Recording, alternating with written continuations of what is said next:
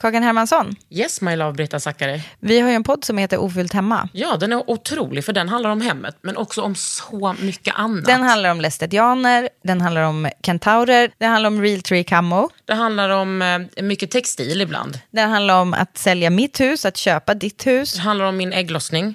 Alltid. Ja. Min också. Tack. Den heter Ofullt hemma och den finns där poddar finns. Hörs i podden, hej då!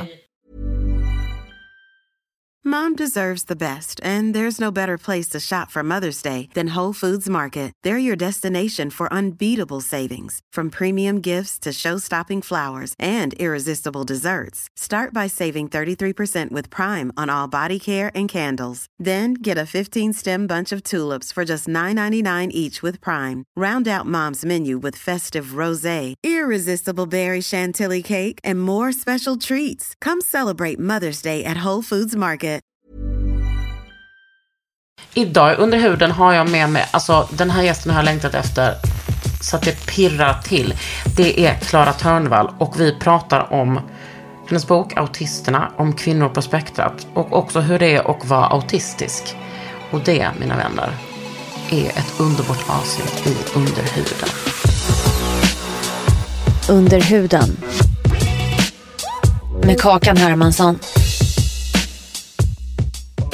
Nu sitter du här Nu sitter jag här. och du har skrivit en bok som heter Autisterna. Jag snodde titeln från Stig Larsson. Han skrev ju en 80-talsroman som hette Autisterna. Fast min har ju också en undertitel om kvinnor på spektrat. Vilken av Stig Larsson? Stig Larsson eller Stieg Larsson? Nej, inte Steg, utan eh, Stig Larsson, 80-talsikonen som sen fläckades. Ehm, men hans bok handlar ju inte alls om autister. Utan det var nog bara ett spännande ord, tyckte han. Så att jag tyckte att min titel var mer autistisk eftersom den är bokstavlig. Men auti alltså, ehm, autister och autism är ju ett ord som man slänger. Jag gör också det, även om jag är mycket väl insatt i, ehm, i autism. Eller spektrat och NPF överhuvudtaget. Men det är gott att slänga sig med det. Jag tycker om det. Jag, Ja. jag gillar ordet. Det är snyggt, det är tydligt. Och man är ju autistisk. Jag kallar mig hellre för det än för per- person med autism. Eftersom det ju inte är en sjukdom. Vilket Nej. tankarna kan ledas till om man säger att man har autism Ja. eller är en person med autism. Jag tycker inte de där benämningarna är är liksom jätteviktiga. Men det finns ju de som eh, bryr sig mycket. Och jag tror att de flesta hellre kallar sig autister eller autistiska. Ja. Jag brukar säga att jag har damp. Det är också ett kul ord. Det är lite synd att det har försvunnit. Du ser mig ta tillbaka det, Klara. Ja, bra. Du Jag ser är- mig äga det. Jag är med dig. Dampisar. Och dampig. Bra. Jag får damp. Ja, men det tycker jag ligger väldigt gott i munnen och förklarar väldigt mycket. Men då får ju folk panik. Alltså, och det är då de som inte är på NPF. NPF är neuropsykiatrisk funktionsvariation eller neds, funktionsnedsättning. Det är väldigt... eh, Jag blev utskälld häromdagen av en person på Instagram att jag skrev funktionsnedsättning. Ja, man blir utskälld ju Ja. oavsett hur man Eh, gör. Hon var inte själv NPF. Ja, Så är det alltid. För Eh, NPF-arna själva bryr sig inte lika mycket nej. som de Men hon skulle skälla ut mig som själv har NPF. Mm. Men, och varför skrev du den här boken? Jag skrev den för att jag tyckte att det behövdes en bok som bara handlade om kvinnor. För att när jag själv fick min diagnos när jag var 42, det var ju sent i livet. Och hur gammal är du nu? eh, 45. Så det är två och ett halvt år sedan. Då förstod jag att anledningen till att jag inte hade fått min diagnos tidigare var att kvinnor var underdiagnostiserade. Hela bilden av en autistisk person hade ju varit en Rainman-kille med väldigt specifika sorters specialintressen. Och den tidiga forskningen gjordes på killar och män, vilket gjorde att diagnoskriterierna anpassades efter dem. Så kvinnorna upptäcktes inte. Och när jag fattade det så blev jag nyfiken och började fundera på vilka historiska kvinnor kan ha varit autistiska? Var har de funnits någonstans? Varför har de inte synts? För att det är ett tillstånd som alltid har funnits hos människan. Det är ingenting nytt, som ju en del tror, eftersom det ställs så många fler diagnoser idag. Men så är det inte. Utan beteendet, sättet att fungera på har alltid funnits. Precis som med ADHD. Eh, och, eh, så ville jag skriva om det. Det blev mitt nya specialintresse. Jag lärde mig säga. allt om autism. tror jag är ganska vanligt för den som får diagnos. eh, Att man börjar plugga på. Eh, Så jag läste massor. Men så ville jag inte att det bara skulle vara min historia. Utan jag ville skapa en vi-känsla. För att jag tänkte att sådana här böcker som är just en persons uppväxt eller livsberättelse riskerar på något sätt att bli solitärer. Att det blir, man kan bli ett undantag. Jag ville visa att här finns vi. Vi är ganska många. Vi har bara inte syns. Och det här har vi gemensamt. Också typiskt kvinnligt att eh, behöva ta ansvar för hela historien. Verkligen. Eh, men jag var så glad också över att ha hittat ett gäng. Ja. För att jag hade alltid känt mig annorlunda. Så att jag, det var också egoistiskt därför att jag kände att så här, nu, vill jag, nu vill jag skriva om min, min grupp som jag tillhör. Eh, och då, då intervjuade jag också autistiska kvinnor som jag träffade. Eh, och skrev om kvinnor i fiktionen, historiska kvinnor. Så skrev jag också om eh, vad hjärnforskningen säger. För att den utvecklas ju väldigt fort just nu. Och eh, jag var nyfiken på var, vad beror det på egentligen att vissa blir autistiska. Och alltså jag då som har ADHD, jag känner mig jätteinkluderad i det här. Vad bra, vad glad Ja. jag blir. Och ibland kan jag, om jag ska vara helt ärlig, så tror jag att man tänker att ADHD och autism är två ytterligheter. Men det är det inte. Nej, De gifter sig ganska fint ibland. Och man, alltså jag känner bara, jag är, någon, är på spektrat någonstans. Sen är, är jag ju absolut inte autistisk. Men li- bits and pieces, alltså absolut. men jag känner också igen mig i ADHD-egenskaper. Och eh, det överlappar ju ofta. Alltså generna överlappar. Och många har ju eh, båda diagnoserna. Vad, händ, vad har hänt med alla tjejer som, och kvinnor och flickor som har haft autism? Som inte har blivit uh, utredda eller diagnostiserade? Jag tror att eh, de har fått hitta egna överlevnadsstrategier. Och att man har kunnat göra det på olika sätt. Ehm, kanske genom att eh, hitta rätt partner.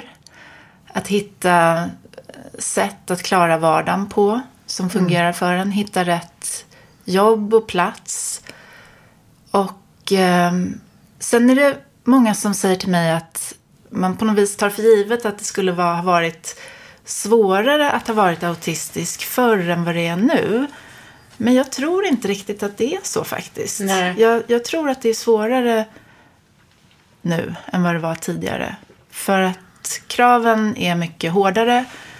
Samhället är mer strömlinjeformat. Eh, individen behöver kunna ta ansvar för alla delar av livet på egen hand. För att du menar att vi, ja, men vi lever mycket mer i här nyliberalistiskt samhälle? Ja, och förut så kunde man nog liksom leva sitt liv i, ja, förutsatt då att man hade eh, en partner eller släktingar som, som kunde ta hand om en. Men eh, man kunde leva med ett lägre tempo och eh, vara lite kufisk. Ja. Och, och det gick ganska bra. Beroende också på klasstillhörighet, tänker jag. Det har jättemycket med det att göra. Och, ehm, men arbetslivet var ju lugnare och mer förutsägbart eh, förut. Nu är det ju en helt annan stress och eh, gigekonomi och timvikariat och väldigt höga krav på flexibilitet, inga, stark, eh, inga fasta anställningar. Och då blir det mycket svårare. Då syns eh, de annorlunda människorna. De, de märks tydligare. T- Någonting som jag eh, kände igen mig mycket i och som jag måste påminna mig själv om var det där som du skrev om att flickor med autism lär sig hur ni ska vara. Alltså ni lär er vad som förväntas av er och spelar typ som en roll. Alltså det där var, eh, det var in- så intressant och jag har lyssnat på din bok, lyssnat på om Daryl Hannah. Hette hon det? Ja, skådespelare. Att vilja fly. Så någon slags... Att hon har som en eskapistisk strate- livsstrategi. Och att det tröttar ut den på ett sätt som är Alltså det är, ju helt normaliserat. Eller för mig är det helt normaliserat. Att jobba, alltså det är en heltidstjänst. Att eh, jobba på sina impulskontroller. Försöka reglera eh, koncentrationen. Eh, sen kanske ha något lite självskadebeteende i det. Att man liksom hela tiden försöker leka normal. Alltså det, man blir ju utbränd av det till slut. Och det har jag ju blivit också. Eh, Det har jag också blivit. Det tar ju jättemycket energi. Det är ju fullständigt dränerande. Och Det är ju så att man lär sig, precis som du sa, man lär sig att maskera. Och det gör man från jättetidig ålder. Det gjorde jag. Jag var en iakttagare som kollade hela tiden och pluggade in hur man gjorde. På skolgården och med kompisar och sådär. Och då sen tog jag efter det. Och då såg det ut som att jag hade vänner och jag lekte. Men egentligen lekte jag mer bredvid de andra barnen. Eller, Kommer du ihåg att du hade som ett sånt utifrån perspektiv hela tiden? Ja, jag har alltid haft den känslan av att stå utanför och titta och som att det har funnits ja, men som, nästan som att jag har gått med en hinna eller en slöja mellan mig och omvärlden. Och det var ju en väldigt förvirrande känsla, har alltid varit. En, en känsla av att vara annorlunda utan att förstå på vilket sätt eller vad det är. För att på ytan så ser ju allting helt vanligt ut med mig. Ja, det, ja. Eh, och, du och- gjorde det när du var barn också? Ja. ja. Jag var ett freak, men jag förstår. Då är det kanske ännu svårare. Jag var, jag var duktig flicka med höga betyg. Men sen kraschade jag för att jag, till slut orkar man inte kämpa längre. Hur gammal var du då? Eh, det var i, precis vid studenten, 18 Så ungefär. tidigt. Eh, första gången. Sen, sen kraschade jag några gånger till eh, i vuxenlivet. Men Och vad hände då när du var så ung och kraschade? Jag eh, hade börjat känna ångest. För att det som händer när man upplever verkligheten annorlunda som man gör som autistisk eller tolkar den på ett annat sätt än majoriteten. Det är att eh, den där förvirringen är så, så ångestskapande. Eh, för man är inte automatiserad som andra är, utan man behöver använda tankeprocesser för att ta sig fram. Och man har svårt att förstå undertext och dolda betydelser. Och, och eh, liksom i tjejgäng i tonåren så är ju undertext liksom Allt. ganska väsentligt. Bara kalkylera, kalkylera, utvärdera. Eh, så att det blev ju äldre jag blev. Som barn gick det bra, för då kunde jag sitta och hålla på med mina intressen. Men så fort det där sociala samspelet blev svårare så fattade jag ingenting. Och jag använde så mycket energi åt att försöka förstå utan att lyckas. Eh, fick ångest, blev utmattad och eh, eh, sen gjorde jag till slut ett självmordsförsök som 18-åring. Kan du komma ihåg hur, hur du resonerade då? Att jag ville sova. Och bara inte vakna mer. Jag ville bara ha lugn. Och tystnad. Och hur reagerade dina... Har du föräldrar? Ja, en mamma i livet. Min pappa är borta. Var han borta då? Nej, han levde då. Men hur re- resonerade de? Alltså, hade de någon aning om att det fanns liksom ett annat, helt annat liv inom dig? Nej, alltså det fanns ju inte... Det fanns inget språk för det här då. Jag är född 76 och eh, tonåring på 90-talet, i början av 90-talet. Tjejer fick inte de här diagnoserna då. Så att det finns ingen... Jag kan inte klandra någon eh, för att de inte såg. Därför att det var ju det var ingen som, som diagnostiserades. Utan autistisk var liksom Rain Man. Ehm, och ehm, det, det fanns inte. Men det var ju det hela tiden. Och det som hände var att man istället då pratade, som man gjorde då, om depression. ehm, som bara liksom skulle, ja, som att den, den bara kunde drabba en på något vis. Ehm, och antidepressiv medicin. Var det så du behandlades efter självmordsförsöket? Eh, och eh, sen återkom det. Och jag kunde aldrig riktigt finna mig till rätta med den förklaringen. Därför det var som att jag hela tiden kände att men vad då deprimerad? Jag, jag kunde inte köpa det. Jag, kunde inte tänk, jag fattade inte hur kan man vara deprimerad utan orsak. Jag tänkte hela tiden det måste finnas en orsak. Ehm, och sen blev jag ju aldrig bra heller. Jag gick i massor med terapi. Det liksom, ingenting hjälpte.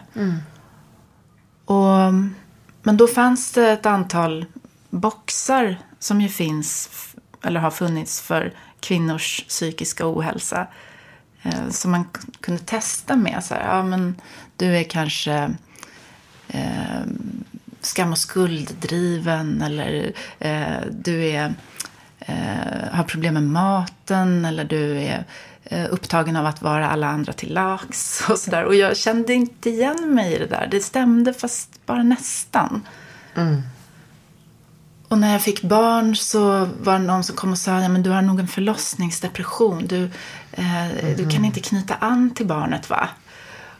Och jag minns att jag tänkte bara, va? Jo, det är ju barnet, det är ju liksom ljuset Ja. i mitt liv. Det är ju det som är, men då var det den förklaringsmodellen liksom. Att, eh, Det är så lustigt när alla svar egentligen ligger så här uppradat framför en men ingen tar det på allvar. Ingen vill göra någonting med det. Men jag var nog också präglad av den där bilden av att det är just en, en kille som gillar dinosaurier och tågtidtabeller och Rubiks kub som är autistisk. För att det, det, det slog mig inte heller. För jag, jag kände ju till alla mina svårigheter. Men jag fattade inte att de hörde ihop med varandra. Men när började du nosa på autism då? Det var en, en slump faktiskt. Jag, jag läste någonting, eller om det var att jag stötte på ett YouTube-klipp med en tjej. Jag minns inte exakt, men hon berättade om sin autism. Och då kommer jag ihåg att jag för första gången kände, men vänta nu. Liksom, för första gången så Och hur gammal var du då? mig. Det var ju, då var jag ju 40 drygt, 41 kanske.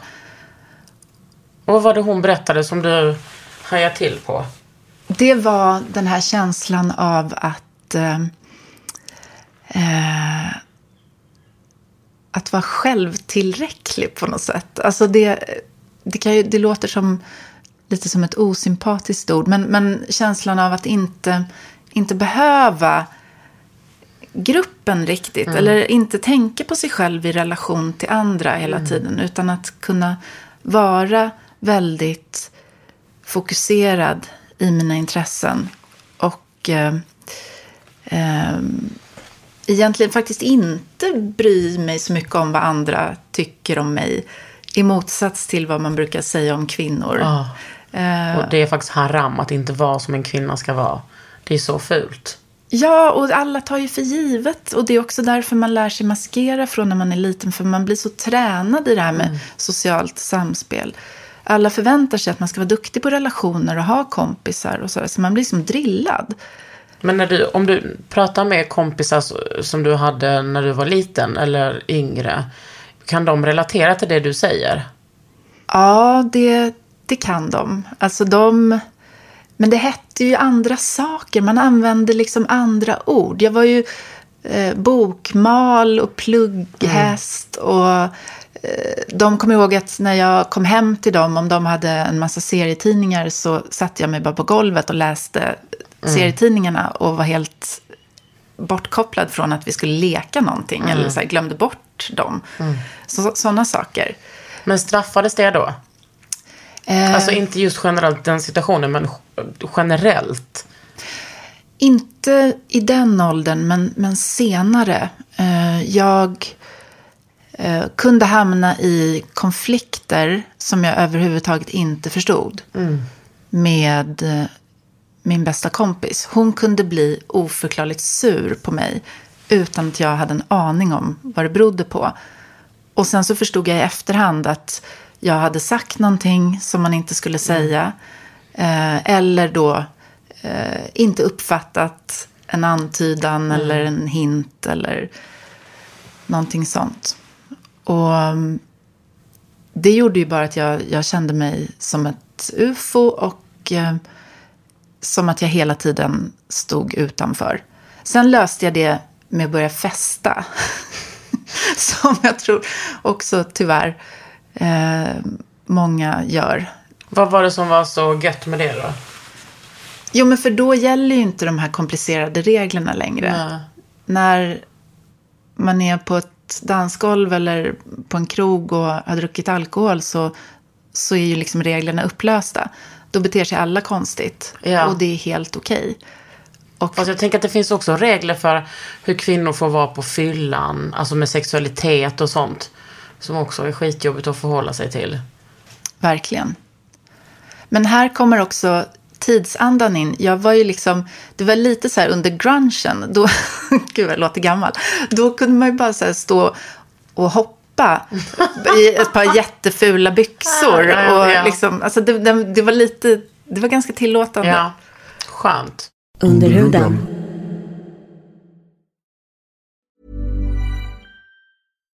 If you're looking for plump lips that last, you need to know about Juvederm lip fillers. With Juvederm Volbella XC and Juvederm Ultra XC, your lip look, whether it's subtle or bold, can last up to one full year with optimal treatment and no additional maintenance. Find a licensed specialist and see if it's right for you at juvederm.com today. That's J U V E D E R M.com. Add fullness to lips in adults over 21 with Juvederm Volbella XC or Juvederm Ultra XC. Do not use if you have severe allergies or a history of severe allergic reactions, or if you're allergic to lidocaine or the proteins used in Juvederm. Tell your doctor if you have a history of scarring or taking medicines that decrease the body's immune response or that can prolong bleeding. Common side effects include injection site redness, swelling, pain, tenderness, firmness, lumps, bumps, bruising, discoloration, or itching. As with all fillers, there's a rare risk of unintentional injection into a blood vessel, which can cause vision abnormalities, blindness, stroke, temporary scabs, or scarring. For full important safety information, visit juvederm.com.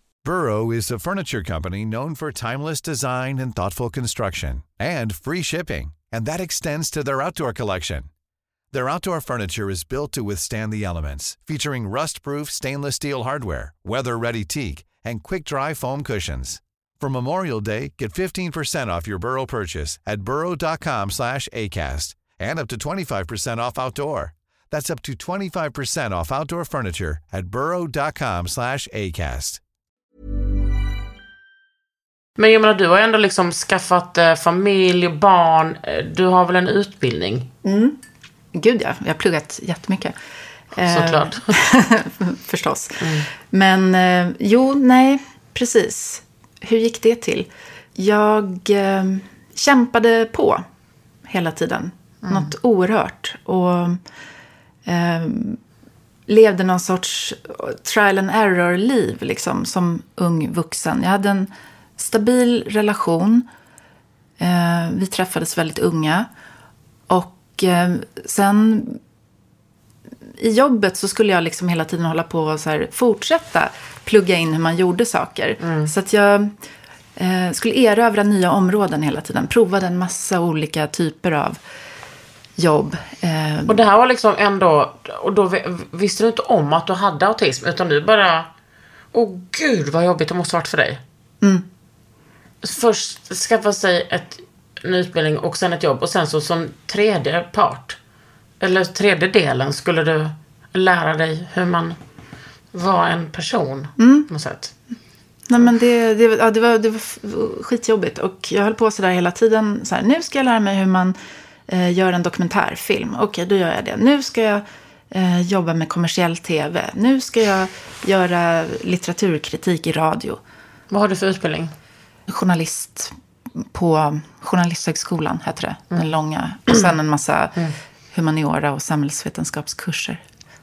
Men när du var eh, liksom ung, vad tänkte du att du skulle jobba med då? Eh, Jag fattade ganska tidigt att jag skulle göra någonting som hade med skrivande eller kultur att göra. För det var mina specialintressen. Och det var på något sätt det enda jag kände att jag kunde. Och jag tr- tror att, ja, jag hade tur. Det är en ynnest som autist att få jobba med sina specialintressen. Det fil- finns väldigt många jobb jag inte skulle kunna ha. Alltså så känner jag också. Det är, alltså, det är tur, men jag tror också att det har väl blivit så att vi jobbar med det vi tycker är intressant för att vi bara kan inte göra det andra. Och det låter så jävla bortskämt och överklass. Att man Mm. vet. kan absolut inte tänka att jobba med det här. Men, Men det handlar om att man är dålig på det. Alltså, då, det, ja, liksom... alltså du ser mig inte räkna matte. Nej. Alltså, du, Däremot var jag väldigt bra på att prata och göra lera. Och lite andra grejer. Men ja. Ja, men det som är svårt för autistiska personer är ju ofta att det är de här jobben som passar en, som är lugna och förutsägbara, är inte så många. De flesta branscher där det är lätt att få jobb är ju stressiga och eh, innehåller en massa korta sociala kontakter. Eh, och det funkar ju ofta inte så bra. Medan de här lugna, repetitiva jobben är automatiserade nu. Så att det är inte så lätt att hitta sin plats. Ju. Men vad, vad passar, ehm, vilka jobb passar för dig? Eh, radio passar mig väldigt bra, har jag insett nu. Därför att det gör man i små eh, redaktioner om två personer. Eh, och eh, det finns frihet och man kan stänga dörren om sig. Eh, Tv passar mig absolut inte för att det är alldeles för stora team. Och eh, ja, skrivande. Skriva bok? Ja, Verkar ju ha gått hur bra som helst. Ja, men det, det var faktiskt något av det... Ja, det var, det var lättare än vad jag trodde. Jag, jag är bra på att hyperfokusera. Gud vad hemskt, det låter skrytigt. Ja, det var så Men lätt. vet du vad? Men, eh, Här, men det var min det. får man vara skrytig. Man får vara ärlig. Men jag är så dålig på så mycket annat. Så jag tycker jag har rätt att så här, det här var i alla fall något som inte var ett problem. Så det var ju skönt. Vad är du dålig på? Men allt, liksom livet, relationer, äta, städa, eh, hålla ordning hemma. Så skönt att du... Jag- jag kan inte- När du skulle komma hit tänkte jag, du kommer inte tycka att, det är, att jag är en dålig person för att det är så jävla stökigt här. Utan du kommer tycka att det är helt eh, normalt. Nej, men jag, och det låter, ja det tycker jag verkligen. Och det låter jättekonstigt att säga. Och det är aldrig någon som tror mig. För att de tycker jag har ett städat yttre. Men jag kan liksom inte skala en apelsin. Eh, och jag kan inte, jag kan inte hålla ordning i ett hem. Och det är inte heller. lathet. Utan Nej, det är liksom det här detaljfokuset. Att jag går och så här, plockar upp ett litet hårstrå. Men jag kan inte göra Mm. det stora, helheten. Nej, och det har, det har tagit mig så lång tid att bara acceptera att så här är jag.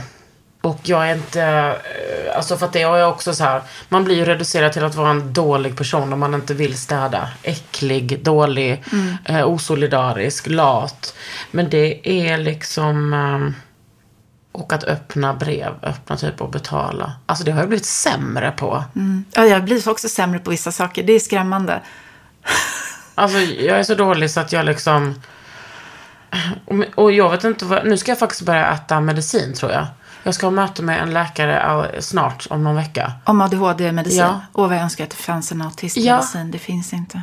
Jag skulle ta den direkt. Ja, nej men jag... eh, Ja, det är det, är det som är så lustigt med ADHD och autism. Att det är samma släkt eller familj. Men det är ändå... Jag menar, vad ska man... Vad ska man liksom bota? Inom citationstecken och säga. Hos mig är det liksom att man kan göra mig mer koncentrerad. Jag behöver ju bli... Ursäkta. Du behöver inte klippa bort det för att det kan vara aut- autentisk gäspning. Jag behöver bli mer fokuserad. Och inte så tankspridd. Och kunna göra någonting. Du vet, det slog mig för två år sedan. Varför jag klarade min skola så bra är för att jag har tränat så mycket. Eh, och direkt när jag inte tränar så bara...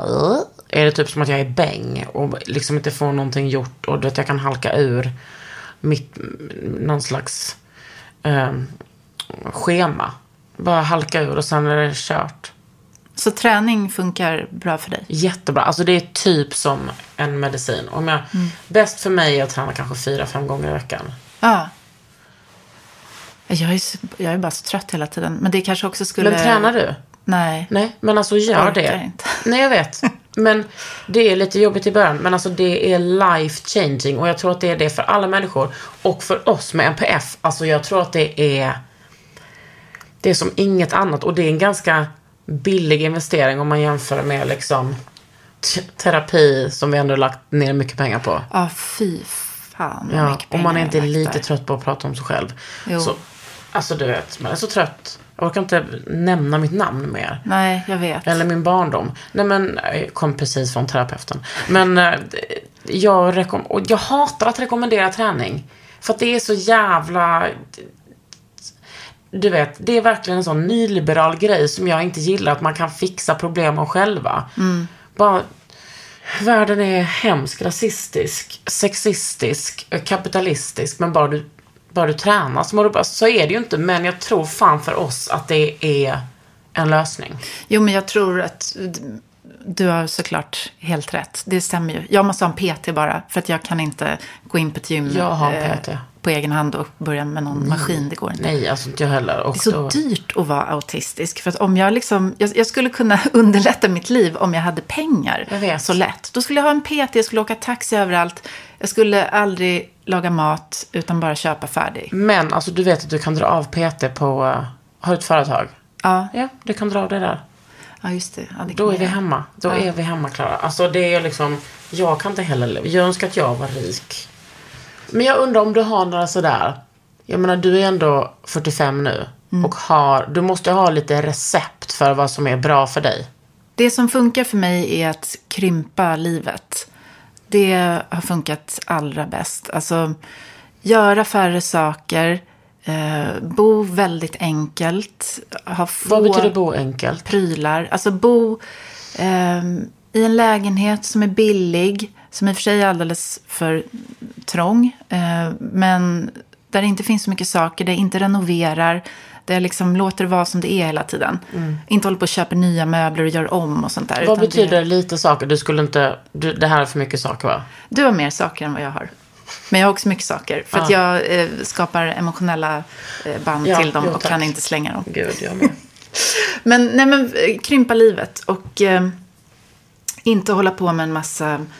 Alltså fatta att jag kan säga nej till saker. Jag förstod inte det förut heller. Jag tänkte hela tiden, det här borde jag klara. Alla klarar det. Varför gör inte jag det? Nu ska jag åka på skidsemester. Hatade det.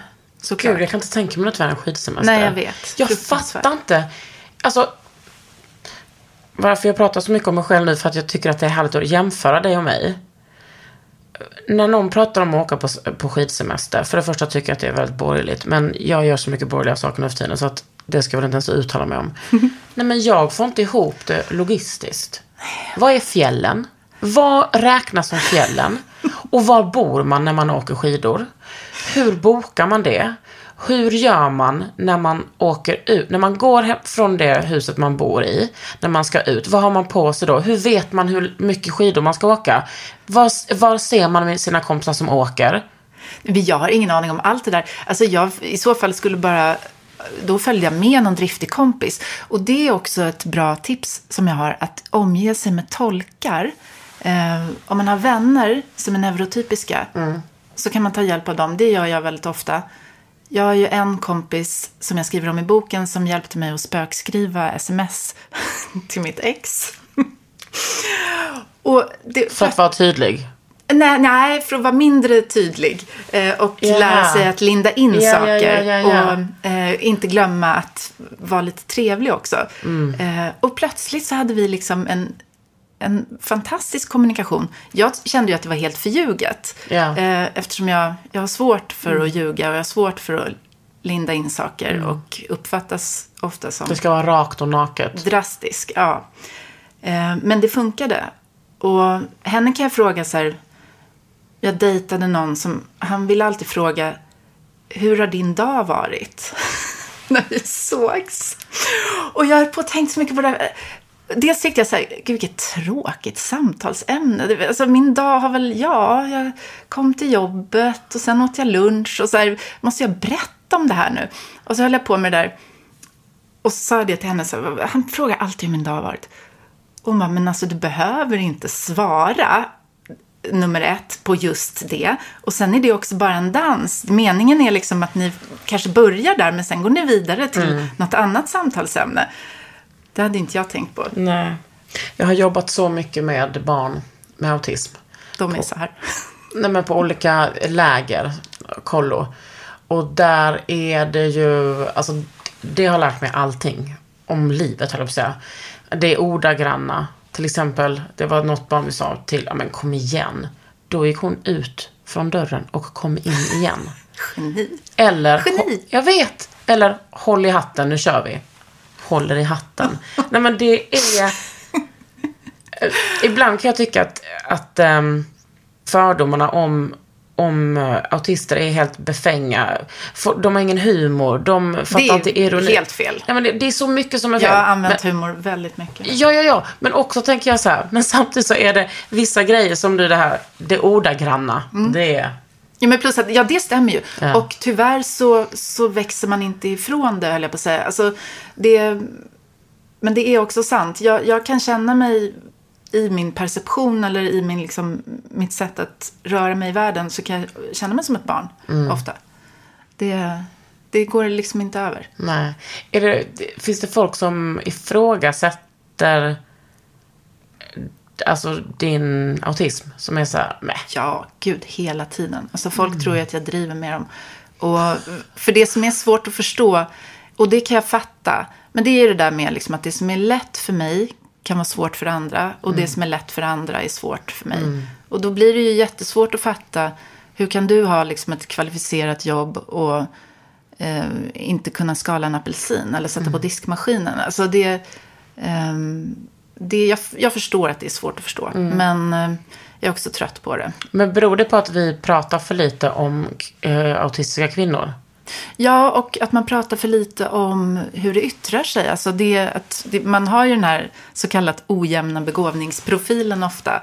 Att man har väldigt starka sidor och sen så har man svårigheter där det liksom inte funkar överhuvudtaget.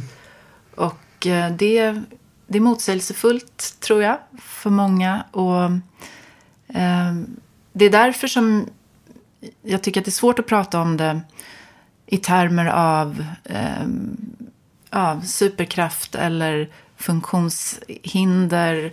Jag tycker det är både en välsignelse och en förbannelse. Eh, och det är också helt neutralt. Alltså det är också bara ett Det är vad det. Det är bara, det är, vad det. Det är bara ett sätt att funka på. Som skiljer sig från majoritetens sätt att funka på. Men därför blir det ju, ja men jag, jag förstår dig 100%. Jag tror att jag har verkligen, jag har skadats väldigt mycket själv av samhällets syn på ADHD. Att, ha, att ADHD, ADHD bara är så här, ja ja nu för tiden är alla ADHD. Man bara, men vad betyder det att du tror att alla har det? Det? Kan du tänka dig att jag faktiskt fler har det? Än vad man trodde innan. Och att fler personer söker hjälp.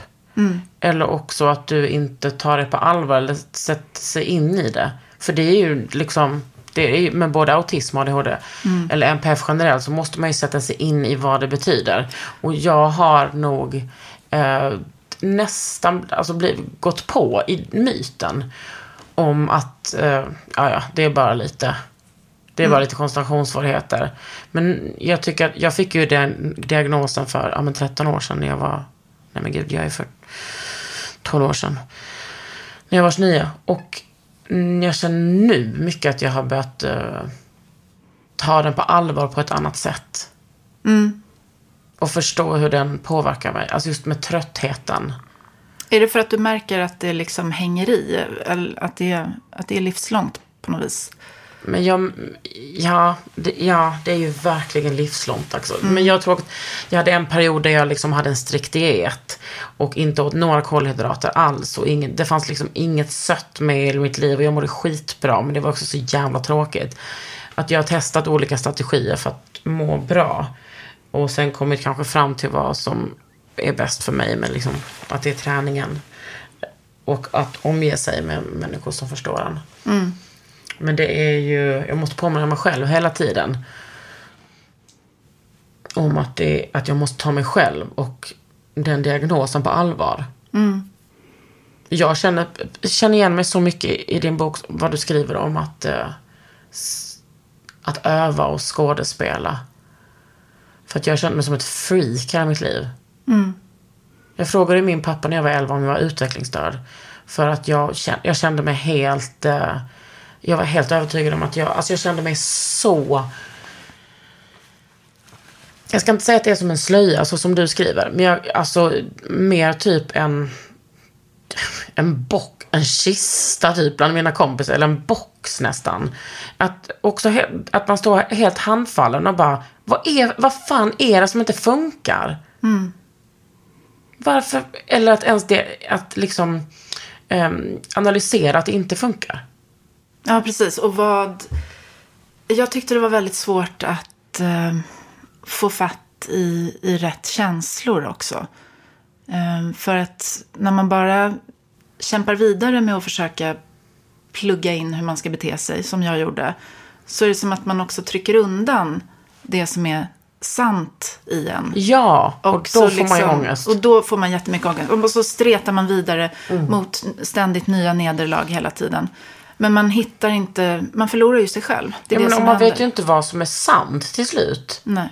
Och jag menar, det är klart att det är så för alla andra människor, specifikt kvinnor, att man hela tiden försöker hitta sin identitet och det är svårt i det här samhället. Men jag, tänker för autister, autistiska kvinnor, att det, alltså just det här med könsrollen är så jävla mindfuckande hela tiden. Mm, ja, men det, så är det. Därför att jag, jag har aldrig känt mig särskilt hemma i just det här, äh, min kvinnliga könsroll. Och jag tror att det är ganska vanligt bland autistiska kvinnor. Jag har i alla fall träffat väldigt många som eh, inte är, man är inte så upptagen av sin kropp. Man äh, definierar sig liksom utifrån eh, sitt intellekt i större utsträckning. Eller man kanske håller på med cosplay, man betraktar sig som ett väsen. Alltså det låter vet, ju det, som det är liksom, det bästa som kan hända en man är kvinna. inte så upptagen av att, att vara kvinna alltid. Mm. Och, och det är ju väldigt befriande. Men problemet är att eh, det går ju på tvärs eh, Mm. med kvinnorollen. Så om man är straight så är det fan svårt att träffa någon. Men man blir eh, bestraffad för att inte vara en sån kvinna. Ja, för jag brukar tänka så här, okej, jag kommer inte vara den som välkomnar dig hem med en trerätters middag. För det kan inte jag. Jag är inte så bra på att vara omhändertagande. Vad kan jag bidra med? Ja, men jag kan liksom... Du bara, det får bara bli att jag är sexig, Ja, punkt. men, precis. Nej, men jag kan, jag kommer, kan skämta. Vi kan Ja. ha bra snack, Ja. roliga samtal. Eh, det är väl kul. Men eh, det är ju inte det. Utan de flesta vill liksom ha en mamma. Ja. De vill inte ha en självständig autistisk kvinna som inte tar hand om dem eller behöver dem. Nej, det är ju det tror jag behöver. Att liksom, ehm, att män vill, alltså det är väl vi kvinnor också, att man vill, men att män vill känna den där nästan eh, desperationen av att vara omtyckt. Och man, att man behöver dem. Vad fan vet jag? Jag är inte, så, jag är inte skitbra på killar faktiskt. Eh, men jag är väldigt bra på åsikter om killar. Ja, men det räcker. Avsnitt tre miljarder. Nej, men säkert. Nej, men sen vill inte jag göra saker heller. Och, och killar vill ju ofta göra saker. Jag, jag vill liksom sitta på en veranda och garva ihop. Åh, det, är, dröm. Det, det är min drömbild av en relation. Kanske äta en bakelse, gå på en utställning. Men, men jag vill absolut Du vill inte paddla? inte- Nej, nej, nej. Jag vill inte göra någonting sånt. Nej. Jag vill inte cykla. Jag vill inte... eh, Absolut inte göra något sånt. Inga aktiviteter. Du vill bara må. Jag vill bara må. Ja. Åh gud. Kanske det, gå på en konsert. Ja men, då, men då och då, inte så ofta. Nej, nej, ibland. nej. Och gud, jag vill äta goda grejer och eh, kolla på någonting. Ja, kolla på någonting. Jag kan också tänka, alltså en veranda bara. Vill du höra min mest perfekta dejt någonsin? Ja, ja. Det var på nyårsafton. I år, eller ja nu förra året. Det här var min andra dejt med den här personen. Åkte till mitt hus som jag, alltså jag hade inte köpt den, men jag hade fått tillträde på något schysst sätt. Jag hade fått en nyckel dit. Åkte dit, det var typ två grader i huset. Tände en brasa. Och kollade på Forrest Gump. Och åt en ostbricka. På, låg på man, en madrass. Gud, vad underbart. Ja, och då tänkte jag den här personen är nog väldigt perfekt för mig. Inga sådana där krav. Sen vill jag ha intellektuellt, intellektuell stimuli. Det är ju liksom ändå väldigt viktigt. Mm, det vill jag också ha. Det är också svårt. Ja, med killar ja. Förlåt, men sant. Men Ja. jag tror att jag har lite så här omvända daddy issues. För att jag hade en så fantastisk pappa. Så att det finns ingen... Alla de liksom bleknar. Exakt, exakt Alltså, samma det- här. Är det så? Ja, eller min känner pappa lever. Men gud, alltså vet du vad, jag är uppvuxen i liksom en um, autonoma vänstern, anarkist och du vet alla där hatade män. Och jag tror att när jag blev så här em, lite mer em, offentlig så var det, jag kommer ihåg att män var så här, gud, hon måste haft en sådär elak pappa. Jag bara nej, alltså tvärtom. Tvärtom, ja. Mm. Ingen Nej. av mina kompisar har haft en sån bra pappa som jag. Ingen har haft en sån nära relation som jag Mm. har med min pappa. Det första jag gjorde när, när jag läste din bok för att messa mina föräldrar var ni måste läsa den här. Jag och min pappa ger varandra boktips hela tiden. Vi Ja. skickar filmtips. Han, pappa skickar en gång om dagen små filmer på jätter till mig på Instagram. Ja, det kan vara allt möjligt. Ja. Nej men det, det, alltså det är faktiskt hopplöst när, när man har haft det så. För att min pappa var... Dels så visade han mig litteratur, konst, musik. Han var otroligt intellektuellt vital, nyfiken på allt. Han skickade böcker med eh, kvinnliga spioner, kvinnliga utrikeskorrespondenter. Eh, hela tiden där så här, du, du kan, du ska. Eh, stod bredvid sin fru som gjorde en mer offentlig, synlig karriär och var helt fin med det. Eh, han var född 1941, han lever ju inte längre. Men han kunde mejla mig så här, har du lånat mitt skammanifest? Alltså jag menar hur, hur, hur många liksom, män i den generationen läser Valerie Solanas med intresse? Eh, ja, inte för Och- att han måste ta för, för, för att han var nyfiken. Ja. Och, och Vad jobbar han som? Han jobbade eh, som statstjänsteman. Och, men hade ett stort kulturintresse. Mm. Eh, och, så det var en akademikerfamilj. Och så tyckte han ju naturligtvis att allt jag gjorde var toppen. Och vi hade sådana samtal som var... Ja, det, alla bleknar. Mm. Alla bleknar i jämförelse. Det är väldigt, väldigt, väldigt, väldigt ovanligt med intellektuella män. Alltså att komma i, alltså att möta, att kunna ha ett samtal där man blir intellektuellt utmanad av män. Alltså cismen, det är ju, Det händer nej, ej ofta. nej. Och vet du vad jag tror? Att många straighta tjejer som säger att de blir intellektuellt utmanade av sina killar, att de ljuger. För att de Ja, mejla mig och säg att ni är sura. Men jag tror liksom... Låga krav men på jag intellektuell har, utmaning. jag tycker att det är, jag har det. Jag har träffat intellektuella män. Två stycken typ. Plus min pappa. Men då är jag nöjd. Nej, men det är fan inte lätt alltså. Nej men det är samma med min mamma. Hon är också så intellekt... Alltså de är så jävla slipade, båda mina föräldrar. Jag vill ha det i mitt liv. Ja, det är svårt att... att jag, jag, kan inte, jag kan inte tänka mig att vara utan det. Att vara med någon som delar mina intressen. Nej. Men eh, det är Men vadå, inte har du massa sådana där autistiska specialintressen? Ja, inte massor, men jag är ju... I perioder? Ja, jag kan by- byta. Jag var inne på dykning ett tag, men det har gått över. Bara Jag tog på- i somras. Vad gjorde du det? Ja. ja. Det här var bara på en teoretisk nivå. Varför har du inte tagit dykcert Jo, men jag ska, jag ska kanske göra det. Gör det. Om jag vågar. Jag gjorde det i Lysekil. Det var otroligt. Det var helt stört. Det var det, va? Men helt plötsligt, alltså på måndagen kommer man dit och bara, ja på fredag, alltså om tre, om fyra, fem dagar, det var på torsdagen också, då ska ni alltså gå ner på 18 meter. Jag och min kompis Lisa var, alltså vi behöver inte om vi inte vill. Men helt plötsligt låg man där nere och bubblade ner till 20. Och så morfar Hummer bara krafsa ut från någon grotta. Ja, du måste göra det. Ja, jag ska fan göra det. Ja. Men det är mitt senaste. Men annars så är det liksom de vanliga och det är ju musik och eh, eh, vanliga kulturintressen. Liksom. Film, tv, böcker.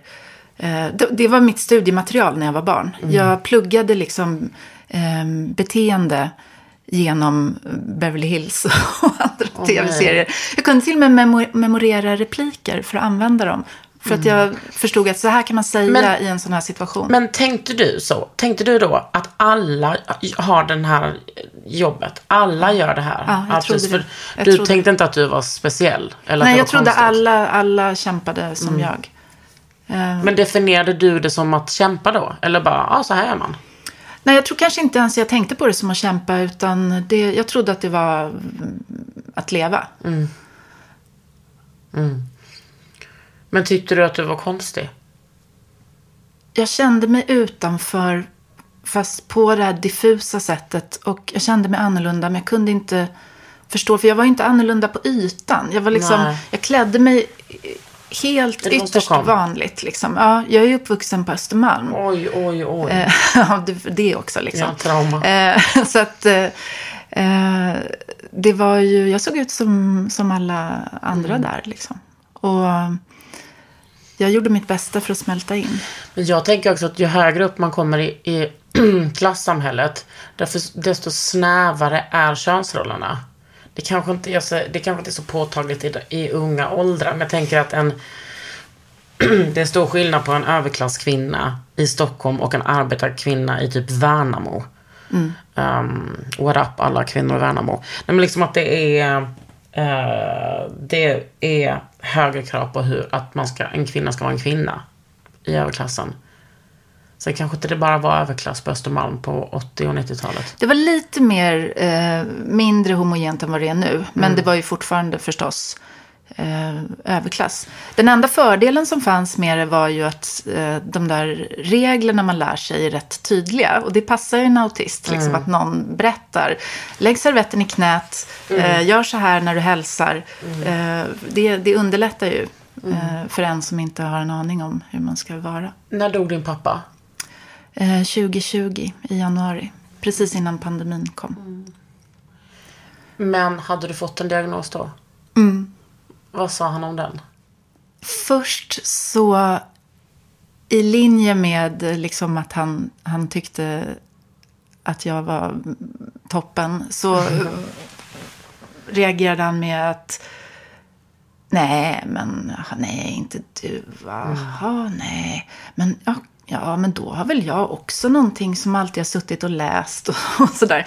Eh, men eh, Sen kom eh, boktipsen, som de alltid gjorde. Eh, och eh, han var ju såklart, som alltid, på min sida till 100 procent. Och började så här, ja, har du sett den här Johan Akelius har skrivit om udda eh, brittiska kvinnor?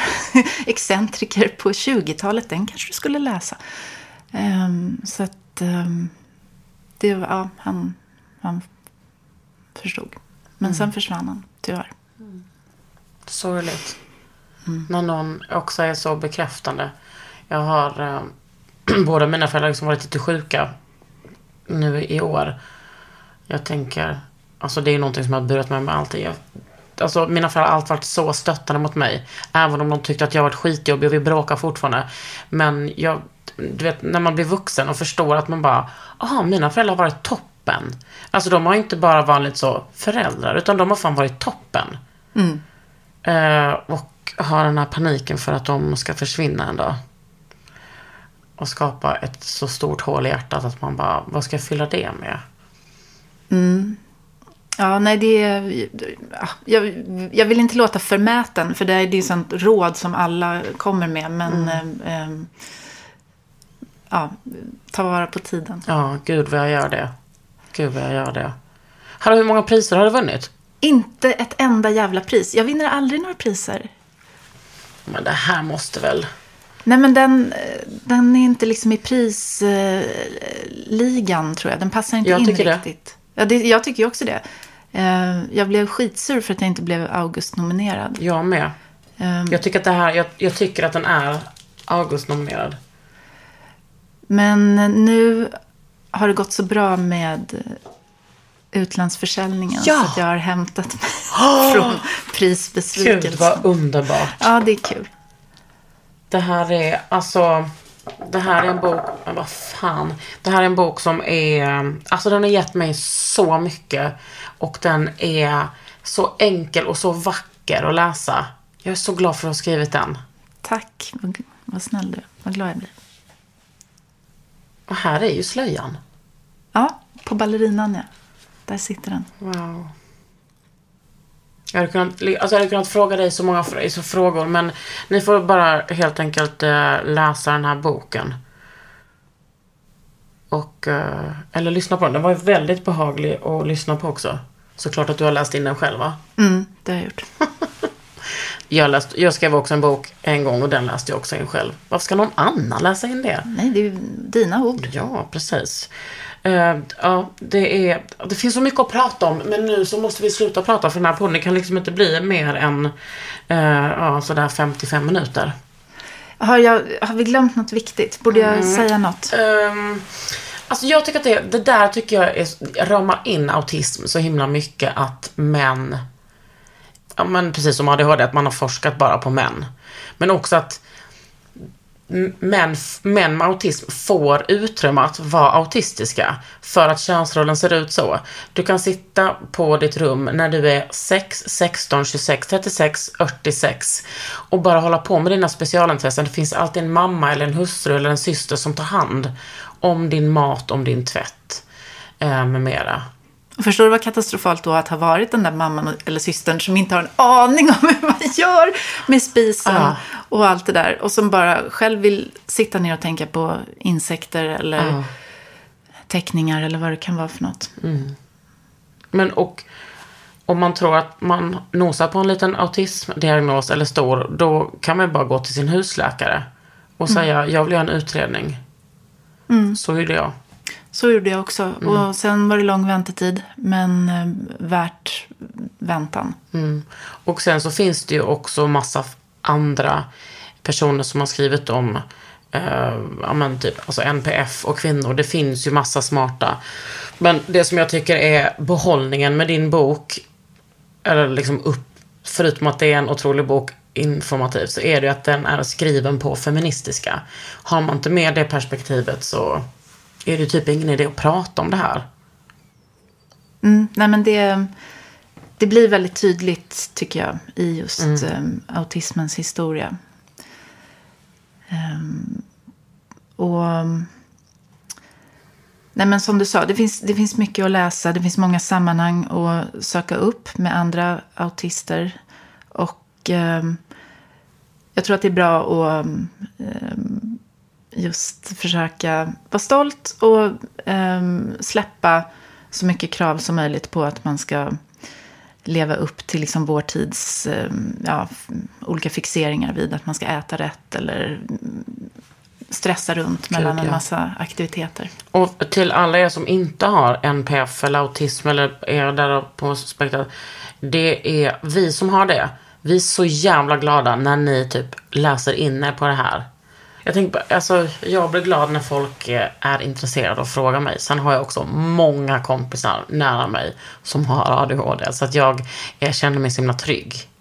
Ja, nej men jag tycker själv också att jag tar tusen gånger hellre liksom en klumpig, eh, intresserad, nyfiken Ja, fråga ja. än någon typ av rädsla eller eh, att man tassar på tå eller tror att man inte får fråga för Men- att man är rädd för att Ja. säga fel. Men där tror jag att du har större utmaning än jag. För att jag har bara ADHD. Och jag tror att det är folk inte alls, eh, typ inte har ingen respekt för det. Eller, alltså jag tror att autism är något helt annat faktiskt. Just när det kommer till att vara nyfiken eller våga fråga. Autism märker jag också, men det är väl ADHD också, är, är provocerande för vissa. Det, jag, jag kan få det där att det känns som att eh, somliga tror att jag försöker göra mig lite märkvärdig med min diagnos. så men att jag kommer här och ja, är lite ja, speciell. Ja, gud ja. Speciellt i det här jävla svennelandet. jag hade ju en alltså, person extremt nära mig som sa, du vet det finns ju vissa som tror att ADHD inte ens finns. Ah, gud. De som tror att de vet bättre än hundra års hjärnforskning. Nej men. Men också någon som ska vara nära en och som ska stötta en och istället bara vill provocera och det är så sorgligt. ja, det är sorgligt, för det är märkligt att somliga kan inte acceptera att inte alla fungerar som dem. De, de står inte ut med att inte alla andra är som de själva. Och det, där, ja, det är någon sorts evig gåta för mig faktiskt. Jag Ja, för mig med. det. Det vore ju helt konstigt om alla miljarder människor är lika samma sorts personer. Det är väl det också, the beauty of mankind. Ja, det, Alltså snälla rara, vad skulle världen vara utan oss NPF-are? skulle, ingen skulle någonsin ha flyttat någonstans. Ingen skulle ha uppfunnit någonting. Ni skulle inte ha kul. Nej, ni har faktiskt oss att tacka. Och med det avslutar jag den här podden. Du har lyssnat på Under huden med mig, Kakan Hermansson och Klara Törnvall.